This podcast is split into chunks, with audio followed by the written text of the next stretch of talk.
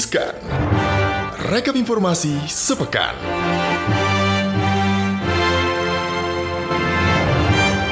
Selamat pagi, selamat siang, selamat sore, dan selamat malam Sobat Cuan. Hai, ketemu dengan saya Anake. Dan gue Gibran di Riskan. Rekap informasi sepekan bener gak? Bener. ini maklum ya anak Ini pertama kali ya gue di ini ya. This is the first time buat Nah. anak ke. Tapi tentunya kita Iya. udah siapin sejumlah informasi yang udah kita rangkum selama sepekan ini yang paling banyak dibaca oleh anda-anda semua di CNBC Indonesia. Netizen yang budiman. Benar. Ada apa tuh informasi yang pertama? Oke, yang pertama ini terkait dengan darurat corona. Nih Gibran kalau kita lihat ya pertambahan kasus COVID-19 di Indonesia ini ya, belum terkendali dan bahkan semakin parah dan semakin membuat khawatir begitu ya. Karena rumah sakitnya semakin penuh. Bener, bener lagi, bener banget maksud gue ya. Karena kalau kita lihat nih, dengan tentunya data dari Kementerian Kesehatan bahwa sekitar kurang lebih uh, penambahan kasus COVID-19 itu 15.308 orang. Dan ini merupakan rekor yang tertinggi dalam penambahan kasus baru dalam satu hari saja sejak pandemi melanda Indonesia. Nah, ini kalau kita hitung akumulasi kasus positifnya jadi 2 juta 33 orang dan ini diambil dari 74.391 orang yang selesai diperiksa pada hari ini dan juga kemarin. Dan makin mengkhawatirkan tentunya ya, dengan tingginya angka ini juga sejumlah kebijakan itu akhirnya diambil oleh pemerintah. Salah satunya adalah Gubernur DKI Jakarta Pak Anies Rashid Baswedan yang menerbitkan keputusan Gubernur DKI Jakarta nomor 796 tahun 2021 tentang perpanjangan memberlakukan pembatasan kegiatan masyarakat berbasis mikro atau PPKM mikro. Mm-mm, jadi ini tuh diambil oleh Gubernur DKI Jakarta menanggapi penerbitan instruksi Menteri Dalam Negeri nomor 14 tahun 2021 tentang perpanjangan PPKM berbasis mikro dan mengoptimalkan posko penanganan coronavirus disease 2019 di desa dan kelurahan untuk pengendalian penyebaran COVID-19. Dan tentunya ini adalah tindak lanjut dari Kepala Dinas Pariwisata dan Ekonomi Kreatif uh, DKI Jakarta atau sebagai tindak lanjutnya adalah menerbitkan keputusan Kepala Disparekraf nomor 419 tahun 2021. Jadi SK ini udah ditandatangani sama Kepala Disparekraf DKI Jakarta Pak Gumilar Ekalaya pada 22 Juni 2021. Akhirnya pemutaran film atau bioskop gak boleh lagi beroperasi. Iya sedih banget. Selain bioskop, Pemprov DKI Jakarta juga nggak mengizinkan tempat wisata beroperasi. Ini juga artinya berlaku buat museum, galeri, dan juga wisata tirta. Aduh sedih banget nggak bisa nonton Aduh bioskop. sedih lagi. banget. Tapi kok bisa ya?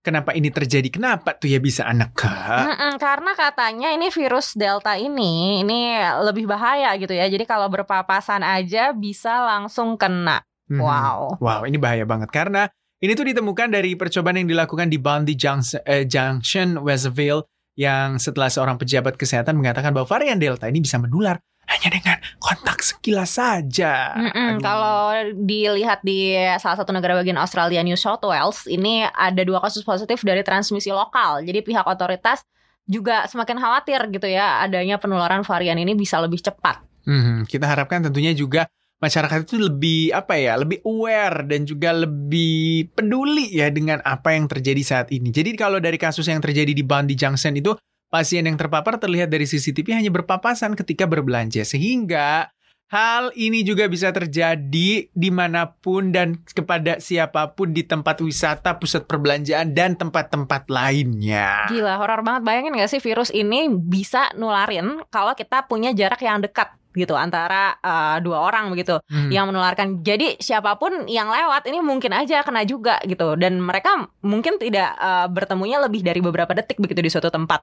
Mungkin 50 sampai 60 cm aja jauhnya dalam situasi yang lewat. Tapi bisa kena juga. Mhm, Bener banget. Ini sebenarnya sangat bahaya juga sih. Tapi di tengah-tengah kabar yang nggak nggak enak ini ya, ini tuh ada soal peningkatan kasus virus corona ini. Tapi ada se- sebuah kabar baik juga nih ya. Ini kabar baiknya itu soal Perhimpunan Dokter Spesialis Penyakit Dalam Indonesia atau PAPDI yang memberikan rekomendasi terkait dengan pemberian vaksin COVID-19. Salah satu terkait penyakit penyerta atau komorbid gitu. Iya, jadi teman-teman ini perlu tahu dan juga harus lebih memperhatikan lagi detailnya tuh seperti apa begitu sebelum vaksinasi. Ini diberikan rekomendasinya oleh IDI, Ikatan Dokter Indonesia dengan tembusan ke Kementerian Kesehatan. Jadi dalam penyusunan PABDI ini membuat bahwa ber- eh, berdasarkan data publikasi fase 1 dan 2 mengenai Sinovac nih data uji klinis eh, fase 3 di Bandung dan juga data uji eh, vaksin Invac infective ini pe- Inactivated. in- infactivated aduh susah amat sih padahal gue tuh orang Inggris ya tapi nggak bawa virus nah itu penyakit penyerta yang layak untuk divaksinasi yang pertama adalah reaksi anafilaksis yang bukan akibat dari vaksinasi COVID-19 Dan juga harus diperhatikan kalau punya riwayat alergi sama obat dan alergi sama makanan. Lalu ada juga asma bronkial. Kalau pasien dalam keadaan asma akut disarankan menunda vaksinasi sampai asma pasien terkontrol dengan baik. Mm-mm, juga kalau punya rinitis dan juga urtikaria Mm-mm, terus harus juga diperhatiin ya. harus ya. diperhatikan baik-baik. Tapi kalau ada bukti timbulnya urtikaria ini, urtikaria bener atau biduran, oh biduran, cuy biduran ya, gue baru tahu urtikaria itu biduran atau ruam kulit karena vaksinasi, maka vaksin itu layak diberikan. Tapi kalau buktinya urtikaria ini uh, menjadi sebuah keputusan dokter klinis untuk pemberian vaksin, tapi pemberian antihistamin dianjurkan sebelum dilakukan. Jadi vaksinasi. harus antihistamin dulu sebelum vaksin intinya gitu lah ya. Benar. Terus juga ada dermatitis atopi, terus juga penyakit paru obstruktif kronik atau PPOK, terus ada tuberkuliosis a- alias Tuberkulosis. tuberkulosis. Aduh TBC deh pokoknya intinya ya pasien Dan itu yang penting ini TBC. juga nih kanker paru. Kalau emang udah punya kanker paru, mungkin em, harus ini ya diperhatiin lagi nanti ketentuannya seperti apa. Apalagi kalau lagi dalam masa kemoterapi atau terapi yang lain begitu, ini bisa mendapatkan vaksinasi. Mhm, Terus ada juga interstitial lung disease atau ILD lah ya. Terus yang ke-12 itu penyakit hati, bukan iri dengki ya gitu ya. Tapi ini benar-benar penyakit hati, bukan iri dengki sama tetangga. Iya, ini juga diabetes mellitus bukan berarti tandanya terlalu manis begitu ya. Tapi benar-benar emang punya penyakit diabetes, terutama yang tipe 2 terkontrol dan juga HbA1c di bawah 58 mol atau mol atau 7,5 persen ini juga bisa diberikan vaksin. Lalu yang HIV atau vaksinasi yang mengandung kuman yang mati atau komponen tertentu dari kuman yang diberikan walaupun CD4200. Nah, HIV ini penting ya. Mungkin juga banyak teman-teman yang eh, juga sebagai ODA gitu ternyata ini udah bisa begitu ya mendapatkan vaksinasi. Benar banget. Terus juga kalau obesitas, jadi pasien obesitas tanpa komorbid berat bisa mendapatkan vaksin. Terus kalau nodul tiroid dan juga pendonor darah serta penyakit gangguan psikomatis sangat direkomendasikan dilakukan komunikasi dulu sebelum pemberian informasi dan juga edukasi yang cukup lugas dan juga penerima vaksin gitu. Jadi semuanya itu harus diperhatikan dengan baik-baik imbauannya.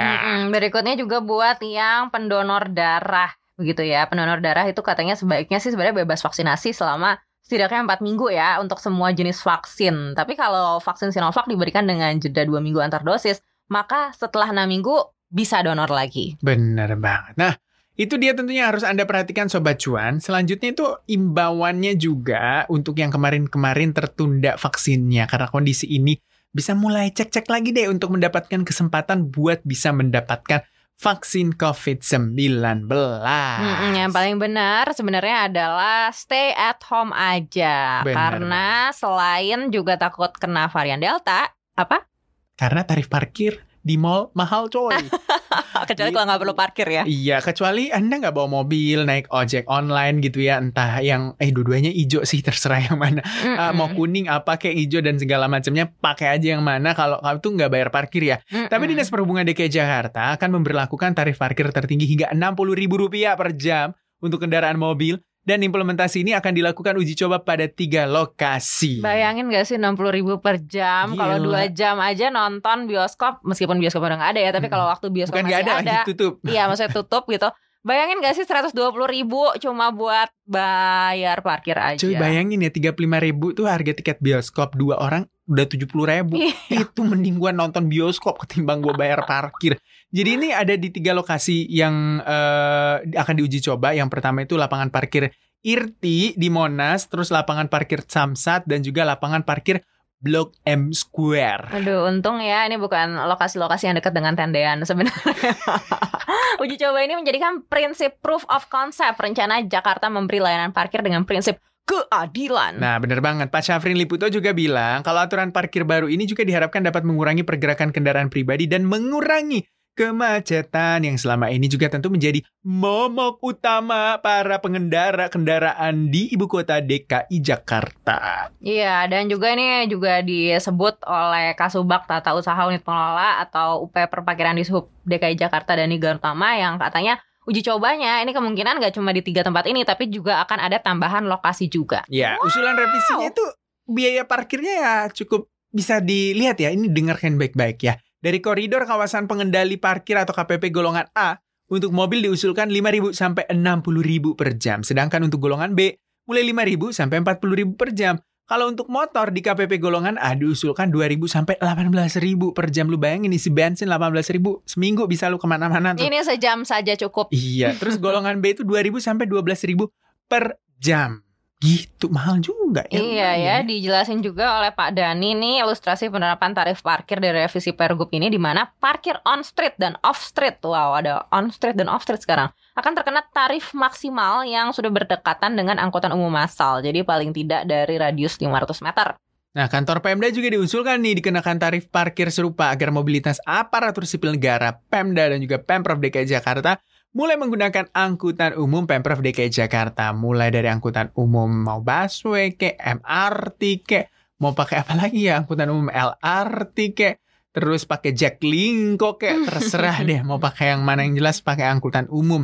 Gitu kata gubernur atau eh, pemerintah provinsi DKI Jakarta. Tapi ini kan masih revisi begitu ya, jadi harus membutuhkan persetujuan dari DPR dulu. Banyak waktu kalau ada teman-teman yang mau memberikan usulan tambahan. Aduh, kalau kayak gini nih, gue pengen pindah ke Dubai aja deh. Kayaknya kalau tarif parkirnya mahal sekalian aja kan, tinggal di Burj Khalifa.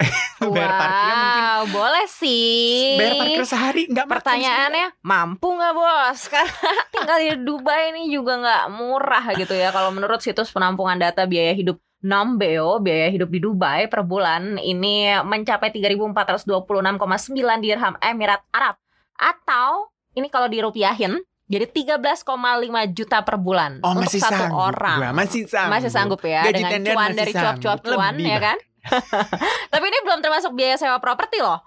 Oke Ah, ah. jadi Berarti kalau cuma sama makan properti, iya, ini bisa sampai 47 juta Oh rupiah. masih sanggup Masih sanggup Ketahuan Eh, untuk keluarga empat orang tapi katanya. Iya, Gitu. tapi jadi di- mungkin kalau satu orang bisa dibagi nggak nih jadi empat? Iya mungkin 47 juta lu bagi satu eh, Bagi berapa tuh Bagi tiga Ya 10 juta lah ya, Iya. dapat kamar doang, dapat kamar mandi, Lah Hongkong dong yang di dalam terali jeruji besi Apa ka- Kandang-kandang kamar gitu. mandi umum. Iya, jadi kalau dirinci nih biaya hidupnya itu mulai dari biaya makan, persediaan sehari-hari, transportasi, listrik, air, perbelanjaan sandang, dan juga hiburan. Ingat ya, hiburan. Anda butuh hiburan. Jadi kalau untuk tempat tinggal sendiri nih, harga yang dicantumkan untuk eh, tinggal itu bervariasi sebenarnya. Mulai yang paling murah itu satu kamar di pinggiran kota harganya itu 3.700 dirham. Setara 14,5 juta rupiah per bulan cuy mahal banget kamar doang itu udah dapat Mm-mm. apartemen dua Mm-mm. bedroom Ini cuannya sehari mesti berapa nih paling nggak? Paling nggak 2 juta nih sehari untuk mencukupi biaya 2 juta hidup sehari nggak pernah cut loss selama 20 hari Iya, kerja ya. Jangan makanya. cut loss baru bisa bayar tuh. Wow. Terus yang paling mahal apartemen 3 kamar itu harganya 10.700 dirham, 42 juta per bulan. Hmm, Hmm. masih kayaknya masih hampir sama ya dengan ini harus harus selatan- buka selatan. layanan roommate nasional ya kayaknya harus ada apps-nya gitu ya supaya bisa dibagi tiga Bener. tapi dengan biaya hidup kayak gini Dubai ini menempati urutan pertama kota termahal di Timur Tengah dan Wow. nomor 23 di dunia wow. Jadi kalau kita lihat dan kita bandingkan biaya hidup di Dubai dengan di Jakarta, bisa dikatakan biaya hidup di Dubai itu tanpa sewa properti per bulannya 54% lebih mahal dibandingkan dengan Jakarta. Dan biaya sewa properti di Dubai 192% lebih mahal dibandingkan Jakarta. Beruntunglah bagi iya, Anda yang tinggal di iya, Jakarta harus, lebih murah. harus lebih bersyukur Bener. ya Apalagi gitu. yang kemarin nyinggung-nyinggung tuh anak Palmera, woi, kosan Palmera tuh murah banget cuy. biaya hidup Palmerah tapi gaji gaji Dubai kan Iya, enak tuh ya Enak kayak gitu. banget. Kayaknya gue gak tinggal di Palmera deh kalau gaji gue tergantung tergantung tergantung Nah. penawaran gimana Bener, kalau Dubai itu merupakan salah satu kota di Uni Emirat Arab tuh lokasinya berdekatan dengan ibu kota Uni Emirat Arab yang memiliki suasana yang hampir sama gemilangnya dengan Abu Dhabi. Di Abu Dhabi juga biaya hidup cenderung lebih murah dibandingkan Dubai kecuali untuk biaya persediaan hari-hari. Aduh, Mm-mm. oh, mungkin karena Kaget Dubai ini mungkin ya orang Dubai kalau dibawa ke Jogja atau ke Solo ya. kaget kayaknya Mm-mm. bisa beli kayaknya apa pun dia mau beli kayaknya. Bayangin aja 47 juta sebulan. Hmm, lumayan mahal ya makan dan minum serta tempat tinggal di Dubai. Mungkin sobat cuan yang cuannya setiap hari 10 juta gitu kan nggak pernah cut loss. Mungkin bisa berpikir work from Dubai. Eh enggak juga sih work from Bali aja. Iya, iya kan- kalau sampai harganya turun langsung average down nggak pakai pikir panjang Iya, gitu, nggak usah lihat-lihat chart langsung aja. Nah itu dia sejumlah informasi yang udah kita bagiin di minggu ini. Jangan lupa untuk tentunya follow akun Instagram at cuap underscore cuan, Youtube-nya cuap-cuap cuan, dan juga dengerin cuap-cuap cuan di Apple Podcast dan juga Google Podcast tentunya. Oke, akhir kata, Gua Gibran, gua Anake. sampai jumpa di Riskan pekan depan. Dadah! Bye.